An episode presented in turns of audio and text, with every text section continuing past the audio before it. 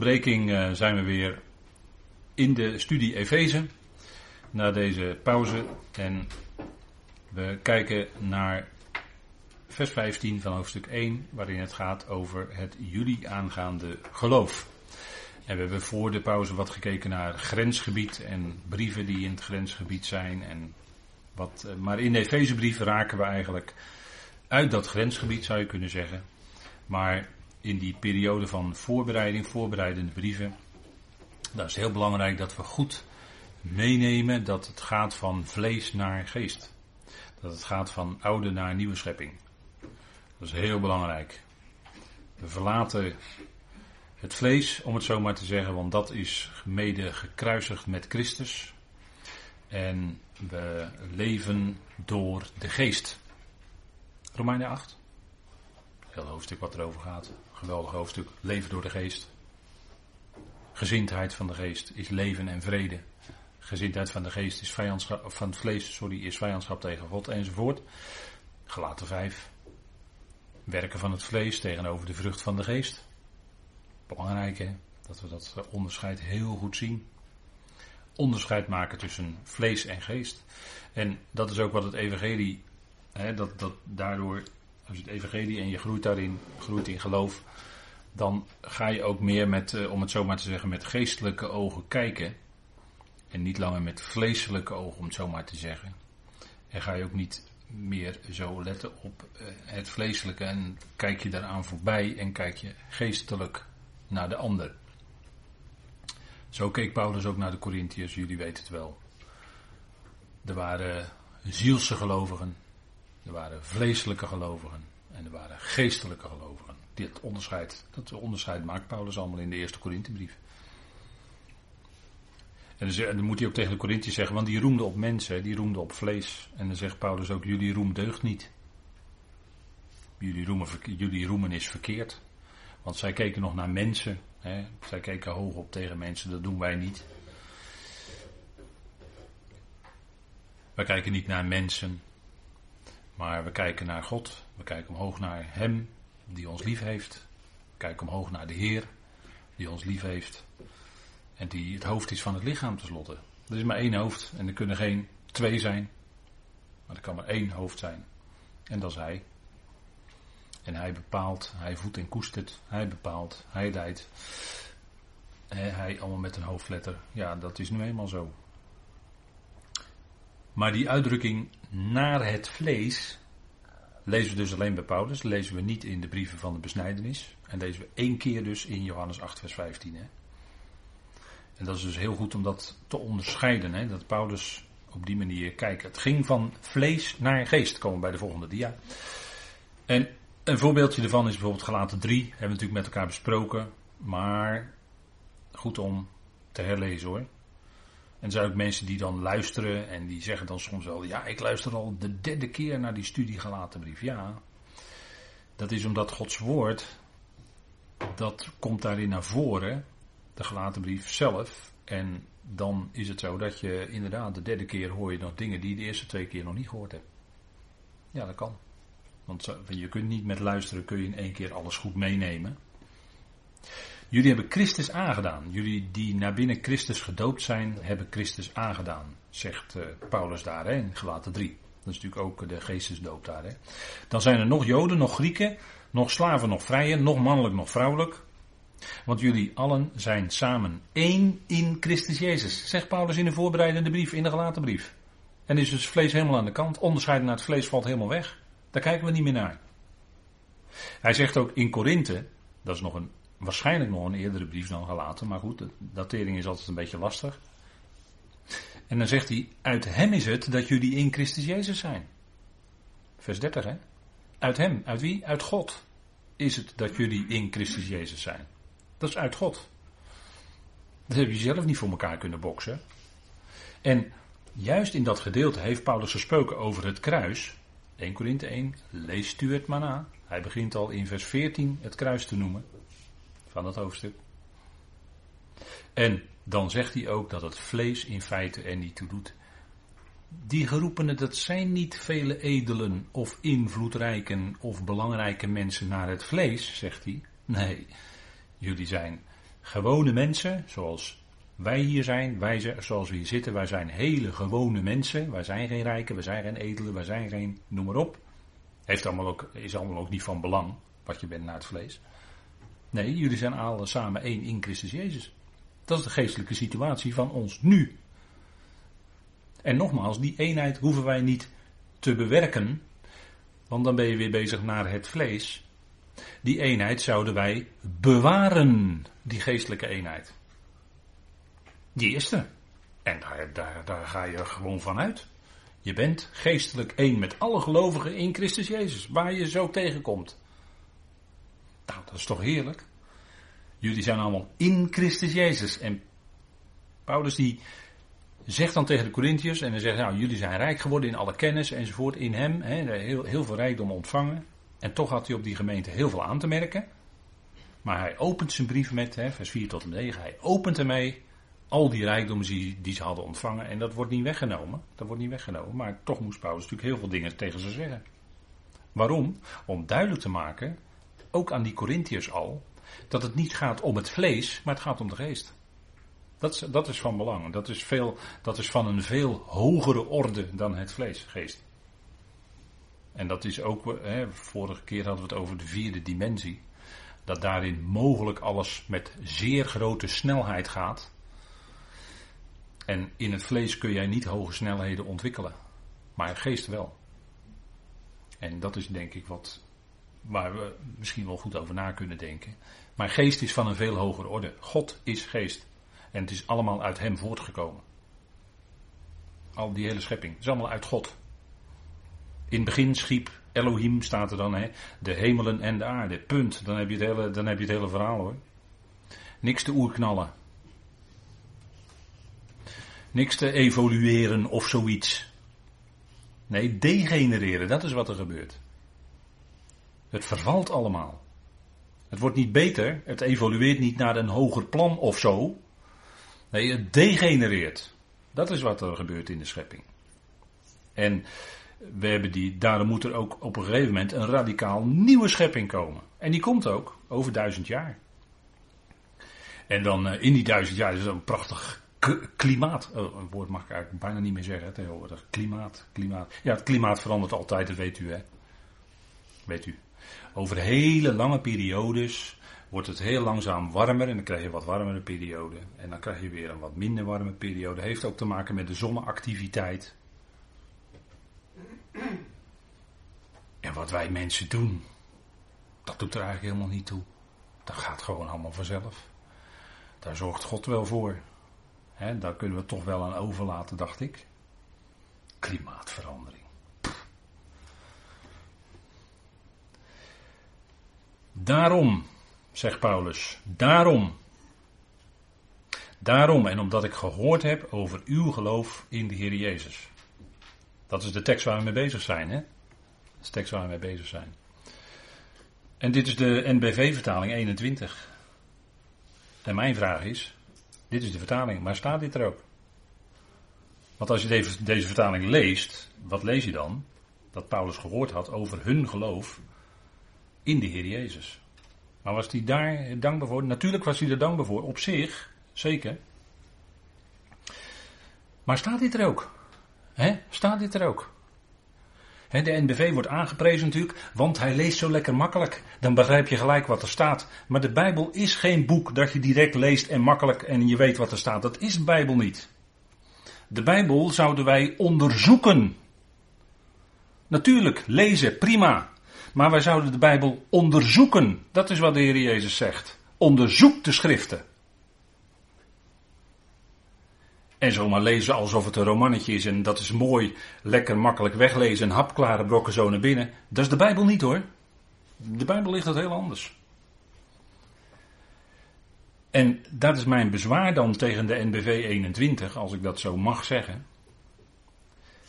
Ja, punt is, het is een prachtig mooie tekst. En stilistisch allemaal heel mooi en prachtig Nederlands. Door, door hele knappe koppen allemaal opgesteld enzovoort. De zinnen lopen geweldig mooi.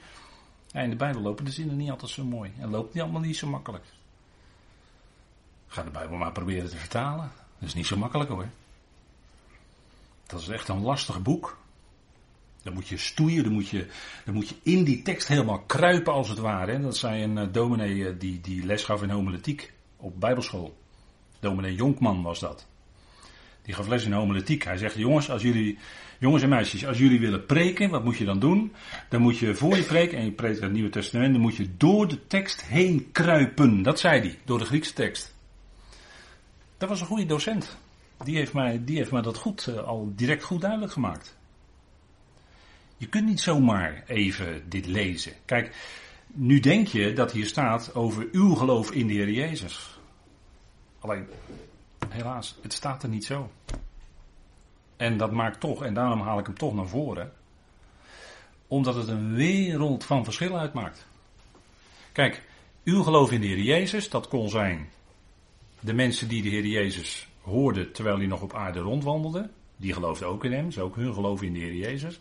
Dat kon zijn de mensen in handelingen, Petrus en de apostelen die spraken, die gingen ook geloven in de Heer Jezus. En hier waren dan kennelijk ook mensen in de natie gingen ook geloven in de Heer Jezus. Denkt u dat het allemaal zo vlak is? Nou, staat, dit is niet zo vlak hoor, zoals ik het nu uitleg. Want dit zou je denken, als je de NBV 21 leest, zou je denken dat dat dat is. Maar het is niet. Er staat iets meer. Eigenlijk wil ik zeggen, er staat veel meer. En dat is wat blijkt als je dus wat dichter op die tekst gaat kruipen en echt gaat kijken wat er nou staat. Als je het heel letterlijk zou vertalen, maar dat is niet echt, dat, die, die, die loopt niet echt goed, dan zou je moeten vertalen, daarom ook ik, horend van het in overeenstemming met jullie geloof. Dat is wel eigenlijk wat er staat. Heel letterlijk. Er staat een voorzetsel in het Grieks, wat heel vaak voorkomt in de Efezebrief. En dat wordt vaak in de vertaling vertaald met naar, in de zin van in overeenstemming met. net als die uitdrukking die we net bij de kop hadden, naar het vlees. In overeenstemming met het vlees. dus die uitdrukking wordt vaak gebruikt. Nou, hier wordt die uitdrukking dus gebruikt, dit voorzetsel, en dat maakt het zo bijzonder wat hier staat.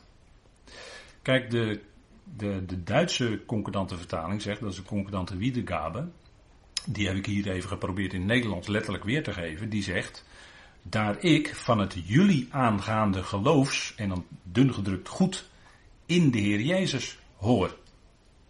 Dat is, wat, dat is een duidelijk verschil hoor. Het jullie aangaande geloof is iets heel anders dan jullie geloof. Ik hoop dat ik dat, uh, het, is, het is laat op de avond, hè, maar ik hoop dat dat voor, voor u duidelijk, een beetje duidelijker wordt. Wat het enorme verschil is, hè, want het heeft verstrekkende consequenties hoor. En de Engelse, die heb ik dan ook hier geprobeerd weer te geven. Daarom ik ook, horend van dit geloof, dat jullie aangaat in de Heer Jezus. De Engelse, de Concordant Version gebruikt dan de uh, this faith of yours. Niet of you, maar of yours. Dus dat daarin zit ook dat aangaande. Een beetje in dat Engels. Dus dat is, het, het gaat hier niet, niet in de eerste plaats om het eigen geloof van degene aan, eh, waar Paulus het over heeft. Maar het gaat hier om een bepaalde inhoud van het geloof. Wat is het? Het geloofsgoed. De, de, Duitse wat dat betreft, eh, de, dat dungedrukte goed vind ik best fijn als, als gedachte aanmerking erbij, als marker. En dat is wat Paulus bekend maakt hier in Efeziërs. Gaan we naar kijken, want het woord geloof.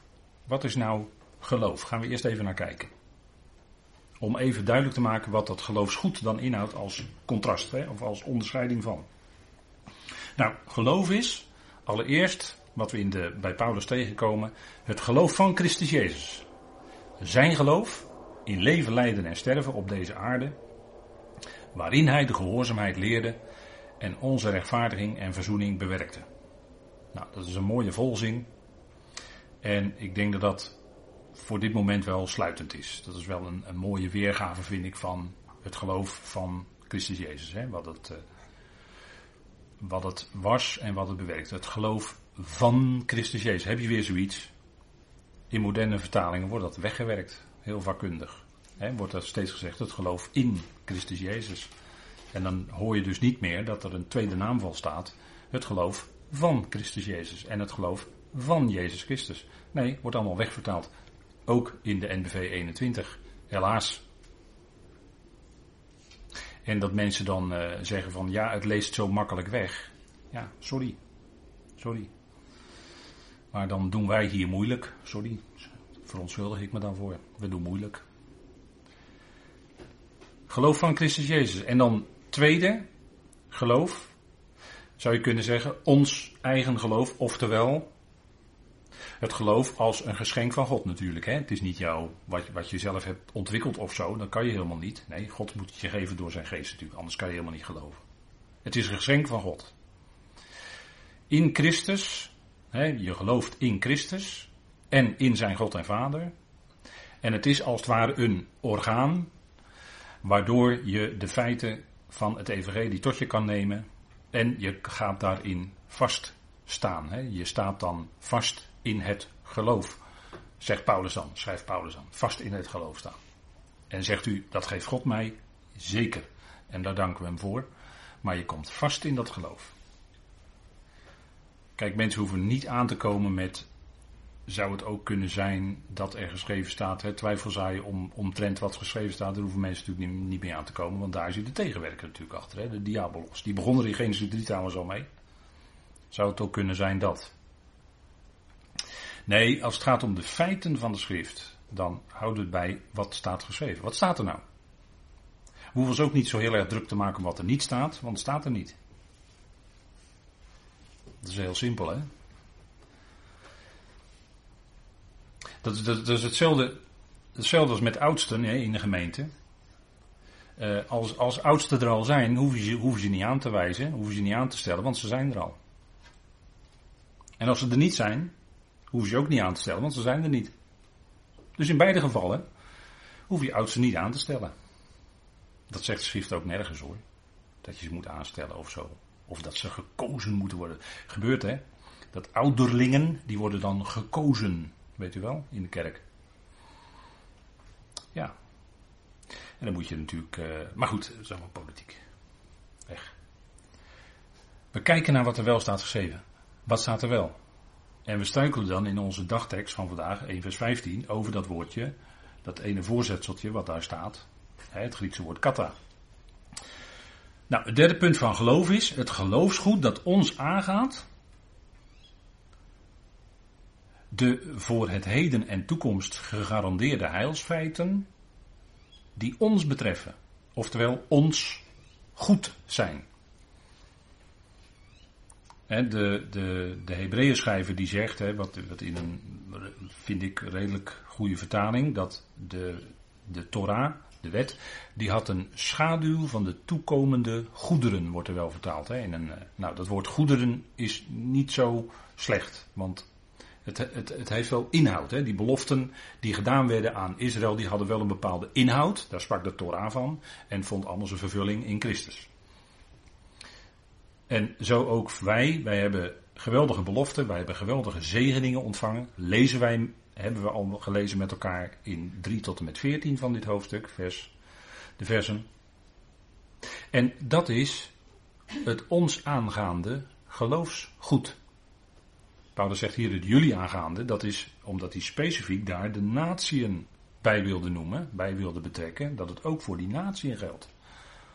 Dus het gaat hier in 1 vers 15 niet om het geloof wat die natie hadden persoonlijk in de Heer Jezus. Nee, het gaat om het geloofsgoed. Dus de inhoud en de verwachting die dat gaf. En ook, dat is dus ook dat lotdeel wat we hebben boven te midden van de hemelse. En die toekomst waarin we dat lotdeel zullen betreden, daadwerkelijk. Lijfelijk ook. Nu al in de geest, maar straks lijfelijk. Dat heeft allemaal te maken met dat geloofsgoed. Daar heeft Paulus het over hier in vers 15. Dat is ook de context, hè? Dat is tekstverband. Staat in een tekstverband van geweldige geestelijke zegeningen. In Christus te midden van de hemelsen. En dan spreekt hij over het jullie aangaande geloof. Dat is het geloofsgoed dus. Dus dat is heel belangrijk, hè? Dan ziet hij dus dat één woordje in de tekst, een voorzetsel, een wereld van verschil kan aanduiden tussen een vertaling die heel makkelijk mooi wegleest. Of, nee, erin duiken en dan staat er toch net iets anders. En dat is wat we ook lezen met elkaar. Horend van het geloof dat jullie aangaat. Hè? Zo hebben we het vertaald hier in de papieren versie van de, de concordante vertaling. Het geloof dat jullie aangaat, en er staat er ook bij, ziet u, IOM, betekent in overeenstemming met, en dat verwijst dan naar dat Griekse voorzettertje wat ik daarnet noemde. Dus je ziet dat het volledig verantwoord is in de Heer Jezus, en dat voor al de heiligen, want dat geloofsgoed, dat had betrekking, en het was ook bestemd voor, in feite al de heiligen, want die lijn van het koninkrijk, om het zo maar te zeggen, die werd langzaam maar zeker minder, die vloeide uiteindelijk helemaal weg. En was alleen nog de roeping van het lichaam van Christus. En wat bleef dan over? Nou, dat geloofsgoed waar Paulus het over heeft in de Efezebrief. En daar zullen ook waarachtige gelovigen mee te maken krijgen. Ook al hebben zij er hun hele leven nog nooit van gehoord. Maar die gaan toch met de bazuin mee en zullen dan zien wat hun geloofsgoed is. En ze zullen zeggen, ja, maar dat hebben ze mij nooit verteld. Zullen ze dan tegen de Heer zeggen, nee, zegt de Heer, maar het is wel zo. Want jullie zien het nu, dat, dat dit jullie toekomst is. Het gaat er niet om wat je wel of niet verteld is. Het gaat om wat hier geschreven staat. Dat gaat de Heer natuurlijk waarmaken. Hè? Hij gaat niet onze ideeën of onze verwachting of wat dan ook. Nee, hij gaat waarmaken wat hier geschreven staat natuurlijk. God doet gewoon wat hij zegt. Dat is bij God heel gewoon. Bij, bij mensen is dat heel anders. Mensen zeggen een heleboel, vooral politici, die zeggen een heleboel, maar doen anders. Maar bij God is het anders. Hè? Bij God, die zegt het, die belooft, en hij doet ook wat hij belooft. Dat is gewoon gegarandeerd. Daar kan je, dat, dat is gewoon alle, alle, ver boven alle twijfel verheven natuurlijk. Abraham die twijfelde ook niet hè, door ongeloof aan de belofte die God gegeven had. Tegen alle bewijzen die hij om zich heen zag. Want ja, hij kon zelf eigenlijk geen kinderen meer krijgen. Sarah niet. Naar de mens gesproken allemaal. Allemaal mensen overwegen en ze hadden, hadden geen kinderen meer kunnen krijgen. En wat, wat deed God? Die maakte zijn belofte waar. En ze kregen toch kinderen. Dus ja, dat geloofsgoed hè, is fantastisch. En ik had het over Abraham, maar kijk, als we even een paar voorbeelden langslopen van wat is nou een geloofsgoed, dan zien we, kijk, wat werd aan Abraham beloofd? Dat geloofsgoed van nageslacht, jouw zaad zal zijn als het zand van de zee en als de sterren van de hemel en dat land. En dat is een enorm gebied. Hè, wat, eh, wat aan Abraham werd toe, toegezegd, oh sorry, werd toegezegd in Genesis 15. Dat is vanaf uh, waarschijnlijk de rivier de Uifraat tot aan de rivier uh, de Nijl in Egypte. Of in ieder geval een, een, belangrijke rivier in Egypte, die er dan is. Heel groot gebied, werd aan Abraham beloofd, landbelofte. Zou God waarmaken. Dat is het geloofsgoed van Abraham. En Abraham die had ook iets gezien van een stad, want hij verwachtte de stad met fundamenten, staat er in Hebreeën. Dat hoorde ook bij zijn geloofsgoed. En mogelijk is dat het Nieuwe Jeruzalem. Stad met fundamenten. Dat is natuurlijk fantastisch. Hè? Abraham in die nieuwe aarde. Dan zal hij met verbazing kijken naar, die, naar, die, naar dat Nieuwe Jeruzalem. Wat dan neerdaalt uit de hemel. Zal Abraham, Isaac, Jacob zullen met verbazing staan te kijken. Wat dat allemaal is. Dat is natuurlijk fantastisch hè. Nou dat is hun geloofsgoed. Israël, wat had die als geloofsgoed? Koninklijk priesterschap. Jullie zullen koning en priesters zijn over de volkeren. Jullie zullen als priesters in de komende duizend jaar het volkeren leiden naar de grote hoge priester naar de ordening van Melchizedek, Christus Jezus. En koninklijk, ze zullen ook regeren over de volkeren. de, ze zullen regeren met een ijzeren roede, weet u wel. Wat ook aan die, specifiek ook aan die mannelijke zoon in de openbaring wordt gezegd. Twaalf apostelen, wat is hun geloofsgoed? de belofte van de Heer dat ze op twaalf tronen zullen zitten en zullen richten de twaalf stammen van Israël. Geloofsgoed voor die apostelen, specifiek. Hun geloofsgoed is hun beloofd.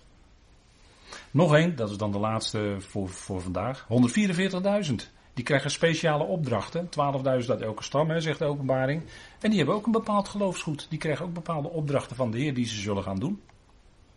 En zo ook wij, leden van het lichaam van Christus, ook wij hebben een geloofsgoed. Wij zullen in de toekomende eonen de komende twee eonen zullen wij te midden van de hemelse die veelvuldige wijsheid van God bekendmaken, zijn genade en heerlijkheid bekendmaken. En die hemelingen ook brengen tot onderschikking aan de Christus. Dat is ons geloofsgoed, dat is de toekomst, dat is belofte. En misschien zeggen sommigen wel, dat heb ik nog nooit gehoord. Nou, dan hoort u het nu. Hoort u het nu. Want het staat er, hè.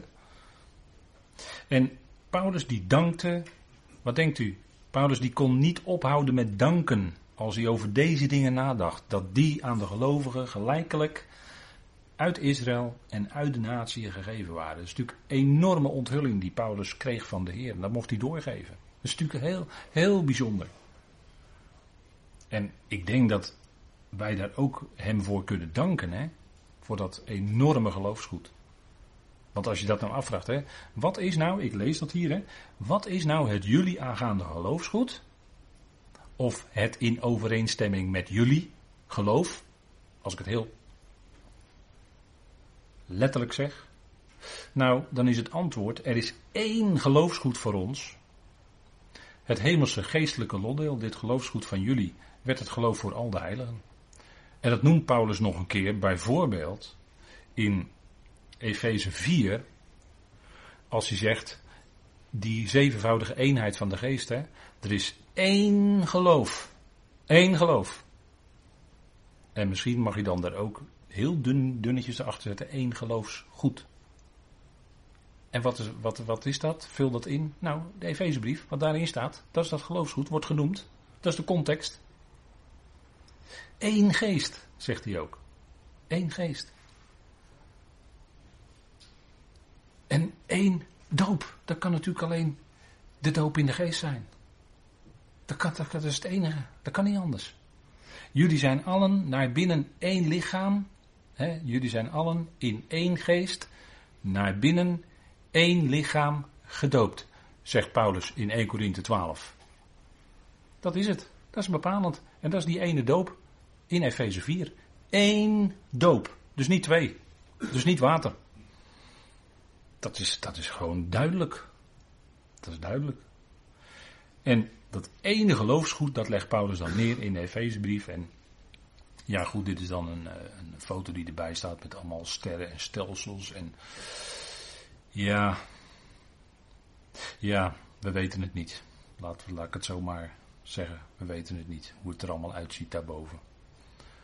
Hoe, de, hoe, de, hoe die hele schepping er nou uitziet. Ja, Kijk, eh, theoretische natuurkundigen die hebben daar wel een idee bij, maar is theoretisch hè. Het zijn theoretische natuurkundigen. Dat is nog allemaal theorie. Zijn gebaseerd op aannames die gedaan zijn. Moet je nooit vergeten. En als die aannames nou eens niet blijken te kloppen, als die aannames nou niet blijken te kloppen, dan trek je dus dat hele kaartenhuis, dan trek je de onderste kaart eruit en dan gaat het hele kaartenhuis in elkaar. En het zou best kunnen zijn dat op het moment dat het gaat blijken, dat inderdaad dat hele kaartenhuis ook in elkaar klapt. Want God weet toch, God heeft toch alles geschapen, alles is toch uit God. En ja. Kijk, het is merkwaardig als je erover nadenkt, hè. Kijk, er werd gezegd oerknal, ik heb het woord al genoemd, hè, een oerknal. En die was er zomaar. Maar ja, als je dan vraagt waar komt nou die oerknal vandaan? Dat is vervelend hè, zo'n vraag. Maar dat is toch wetenschap dat je steeds vragen mag blijven stellen, of niet? Tegenwoordig is dat in bepaalde gebieden is dat niet meer zo aan de orde hoor, dat je vragen mag stellen hè, in de wetenschap. Is allemaal wat, wordt allemaal wat weggedrukt. Hè? Maar kijk, een oerknal, en dan zegt men ja, eh, er wordt er gesproken over in het heelal, ja, er is eigenlijk niets, hè, zeggen ze dan. Er is niets. Het is allemaal donker en zwart en er is niets. En eh, tegelijkertijd zegt men ook, het dijt uit. Maar hoe kan nu wat niets is ook nog uitdijen? Zomaar. Ik ben misschien maar een hele simpele ziel hoor. Maar als er niks is, hoe kan het dan ook nog uitdijen? Dat is ook maar een aanname hoor, dat het uitdijt. Dat wordt trouwens alweer door zwarte gaten. En zwarte gaten lijken ook alweer wat anders te zijn dan heel lang is gezegd. En, nou, noem alles maar op. Dus het is allemaal relatief. Wat absoluut is, is wat God zegt. En ja, kijk, eh, ik weet het wel, wetenschap en Bijbel en Bijbel en wetenschap is altijd een beetje moeilijk hè, met elkaar. Het is altijd een beetje moeilijk. Maar a priori ben ik geneigd om eerst te lezen wat er staat. Ja, daar hou ik het toch maar op. evolutie en schepping is natuurlijk een bekend punt. Nou, als ik in vers 1 al lees van de Bijbel, de eerste bladzijde, begin je te lezen, dan weet je het eigenlijk al. En dat geloof ik dat het zo is. Tuurlijk is geloofzaak. Ik geloof dat dat zo is, dat God alles geschapen heeft. Ja. En, dat er, en, en als je Genesis 1 leest, dat is natuurlijk een herstelwerk, maar daar lees je al eh, de soorten in. Dat, eh, het is niet zo dat er, dat er voortdurend sprake is van dat de ene soort ontwikkeld wordt uit een andere soort. Daar is geen, niet zo'n sprake van hoor, in, eh, als je de dingen naloopt. Nou, dat soort dingen allemaal. Hè. Is natuurlijk. eh, Kijk, het punt is wat, wat echt zo is, is dat geloofsgoed, wat, wat wij ontvangen hebben in genade, in Christus Jezus, die overstromende genade, die mogen we aan de hemelse machten en krachten bekend gaan maken. En ja, communicatie, daar zal de geest wel voor zorgen, hoe we, we moeten communiceren. Hoe we daar moeten zijn, daar, daar zorgt de geest ook voor, want we krijgen een heerlijkheidslichaam. Dat, dat noemt Paulus ook, hè, over vleeselijk en geestelijk gesproken, dat noemt Paulus ook in 1 Korinthe 15 een geestelijk lichaam. Dat is het kenmerk van het lichaam. Geestelijk lichaam. Dus dat is niet meer onderhevig aan alle beperkingen die wij hier hebben. Maar dat zal hele andere dimensies kennen. En uh, ja. Ik denk dat, uh, dat, we, dat we echt heel erg verbaasd zullen staan. Omdat, en dat we inderdaad achteraf beseffen als we bij de Heer zijn. En we dan in die hoedanigheid zijn dat we dan wel zullen constateren, jongen, jongen, wat dachten wij allemaal beperkt, zeg, toen we hier op aarde rondhobbelden. Wat dachten wij toch allemaal beperkt. Ook over die genade van God trouwens, want die willen we altijd toch een beetje beperken. We willen altijd, altijd toch nog net, zit er nog net aan voor, voorwaarden? Ja, nee, nee, toch niet. Nee, nee, nee, is goed. nee, toch niet. Nee, geen voorwaarden, nee. Nee, nee dat is er niet. Het is genade. En dat, dat, dat, dat is iets wat we ontvangen van God. Om niet, hè? Om niet. Mensen hebben daar zo moeilijk mee. Dat ze iets ontvangen. En, en uh, mensen zijn er altijd op uit om iets gratis natuurlijk te krijgen. Hè. Wij, uh, wij gingen er vandaag nog op uit om, uh, om tegels te halen. En er was ook nog vlakbij, dus het kostte niet veel geld qua benzine natuurlijk. Hè. Lekker, je moet natuurlijk denken in deze tijd. Nou konden we 24 mooie tegels, konden we zo gratis afhalen. Nou, daar gingen wij natuurlijk met een noodgang naartoe, want het is gratis. Ik kreeg zomaar voor niks. En was, hé hey, meneer, bedankt hè, voor de alle tegels. Ja hoor, is goed. Dat is nou genade. Ik kreeg zomaar die tegels. Moet er even naartoe rijden. Meer niet. En mensen hebben dan moeilijk als ze, ja, met echt iets echt gewoon te ontvangen van. En dan willen ze toch altijd daarna, en hebben ze iets ontvangen, iets leuks of een cadeautje of wat dan ook. En dan willen ze toch daarna nog even wat terug doen. Dat, dat is het ook eigenlijk, hè, in de kiem. Ik zeg niet dat het verkeerd is of dat het, dat het niet goed is of zo, daar gaat het helemaal niet om. Maar ik denk dan toch altijd een beetje erbij van, genade, weet je wel. Is ja, gewoon ontvangen. Hem danken voor al die zegen, voor al die heerlijkheid in de Efezebrief. En, en ja, wat, dit, dit kan je niet bedenken. Hè. Dit, Paulus die zegt het toch ook in 1 Corinthië 2. Dit, dit is nooit in een mensenhart opgekomen. Dit kan je niet bedenken. En dat heeft God bereid voor degenen die hem lief hebben. En die liefde heeft hij ook nog in zijn hart gegeven voor hemzelf. Geeft hij ook nog eens een keer. En dan geniet God van de respons die jij krijgt uit een mensenhart. Om, om even mensvormig over God dan te spreken. Maar het is natuurlijk heerlijk als God uit al die dankbare harten die lofprijs en dank mag ontvangen. En dat, en dat echt van harte. Dat is toch heerlijk. Dat is het enige geloofsgoed, hè. En dat is natuurlijk een, uh, ja, dan zegt u nou, vers 15 heb je gesproken over één zinnetje wat daar staat. Ja, daar hebben we dan de hele avond met elkaar over gesproken. Maar ik denk dat dat wel de moeite waard is. Waarom? Omdat er toch iets heel anders blijkt te staan dan in gebruikelijke vertalingen. En, en dan heb je ineens een enorme rijkdom te pakken. En dat vind ik dan de geweldige waarde van de concordante methode die we niet verabsoluteren, maar het is wel de methode om zoveel mogelijk menselijke inleg en traditie en theologie uit te sluiten. En dat vind ik de enorme waarde van de concordante methode. Want dat bevestigt God. Je wordt altijd gedwongen op te kijken, wat staat daar? Ja, en dan staat dat daar, ja, dat staat er. Dus je zal het zo moeten vertalen, dat kan niet anders. Dan moet je dat weergeven. Kun je niet zomaar wegmoffelen. En dat is wat helaas en ja, dat is natuurlijk een enorm geschenk geweest. En uh, ja, ik denk dat dat heel belangrijk is, in, dat je daar fijn mee bezig kan zijn. En natuurlijk ook het gebed, hè, wat Paulus hier doet. In, en daar gaan we natuurlijk met elkaar, kunnen we daarover na gaan denken, als we nog tijd hebben. Uh, dat gebed, hè, verlicht zijnde, vers 18, verlicht zijnde. En dat, dat God geeft een geest van wijsheid en onthulling in erkenning van Hem. En, en wat mij vele jaren geleden enorm raakte, was dat degene die destijds meer dan 100 jaar geleden begonnen met concordant vertalen, ook zeiden dat ze voortdurend baden om een geest van wijsheid en onthulling in erkenning van Hem. En ik denk dat dat heel erg nodig is. Juist als je met Gods woord bezig bent en als je dat op een juiste, goede wijze wil weergeven, heb je dat gebed zo hard nodig. Want die toedeling van de geest zul je heel hard nodig hebben om het goed te doen, zo optimaal mogelijk te kunnen doen. Daar, ook daarin ben je volledig van God afhankelijk. En, en dat is waar, waar ze natuurlijk al nou, meer dan 100 jaar al mee bezig zijn. Hè. En, dat is, dat, en dat heeft ook heel veel vrucht afgeworpen. Dat is de waarde van de rijkdom van Gods woord wat op tafel is gelegd. heel bijzonder. En daar mogen wij dankbaar gebruik van maken en die studies doorgeven. En, en daar gebruiken als basis voor Bijbelstudie. Zeker. Dat is eh, heel fijn, dat is heel rijk. En uh, als u Engels en Duits kan lezen, van harte aanbevolen natuurlijk. Hè. Goed zullen wij uh, de Heer danken. Vader, we danken u dat voor dat geloofsgoed wat ook ons aangaat in de Heer Jezus, wat u ons heeft gegeven. Vader, het is heel rijk. We danken u dat we ook daar vanavond wat uitvoeriger bij stil hebben mogen en kunnen staan. We danken u dat we ook onderscheid zien tussen de diverse brieven van de apostel Paulus. En we danken u voor die rijkdom die in al die brieven is neergelegd voor ons. En dat we die ter harte mogen nemen. We danken u dat we leden zijn van het lichaam van Christus. De gemeente die u uitroept in de tijd en al lang tevoren had gepland. Vader, en nu blijkt al diegenen die door u al uitgekozen waren in Christus voor de nederwerping van de wereld. Wij kunnen dat allemaal niet beseffen, Vader, maar we danken u ervoor. We danken u dat u ons geloof heeft gegeven. Dat u ons heerlijkheid nu al geeft en in ons hart en in ons leven, waardoor we kunnen leven. En met anderen ook daarbij gelegenheid over kunnen spreken. We danken u, Vader, voor het vele, het rijke, het goede wat u geeft in genade. We danken u voordat we elkaar hier mogen ontmoeten rondom uw woord.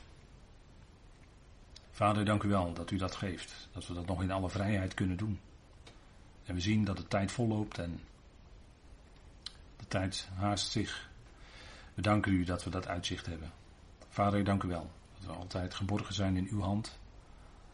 Dat we nooit uit uw hand kunnen vallen. En dank u dat we ook mogen bidden voor al diegenen die ons lief en dierbaar zijn, waar ze zich ook bevinden. Wij zijn erbij die langdurig lichamelijk lijden in hun leven meemaken. Sommigen al vele jaren lang. Draagt u hen, Heer, en dat doet u ook, daar horen we van. We danken u dat dat woord ook mag uitgaan en we bidden u dat het woord van u, Heer, snelle voortgang mag hebben en dat het verheerlijk mag worden bij degene die het ontvangen. Vader, dat alles mag zijn tot lof en eer van u in ons leven en in al die levens. Vader, we danken u dat u ons zo deze avond wilde schenken. Door genade. En we danken u in de naam, boven alle naam, Christus Jezus. Amen.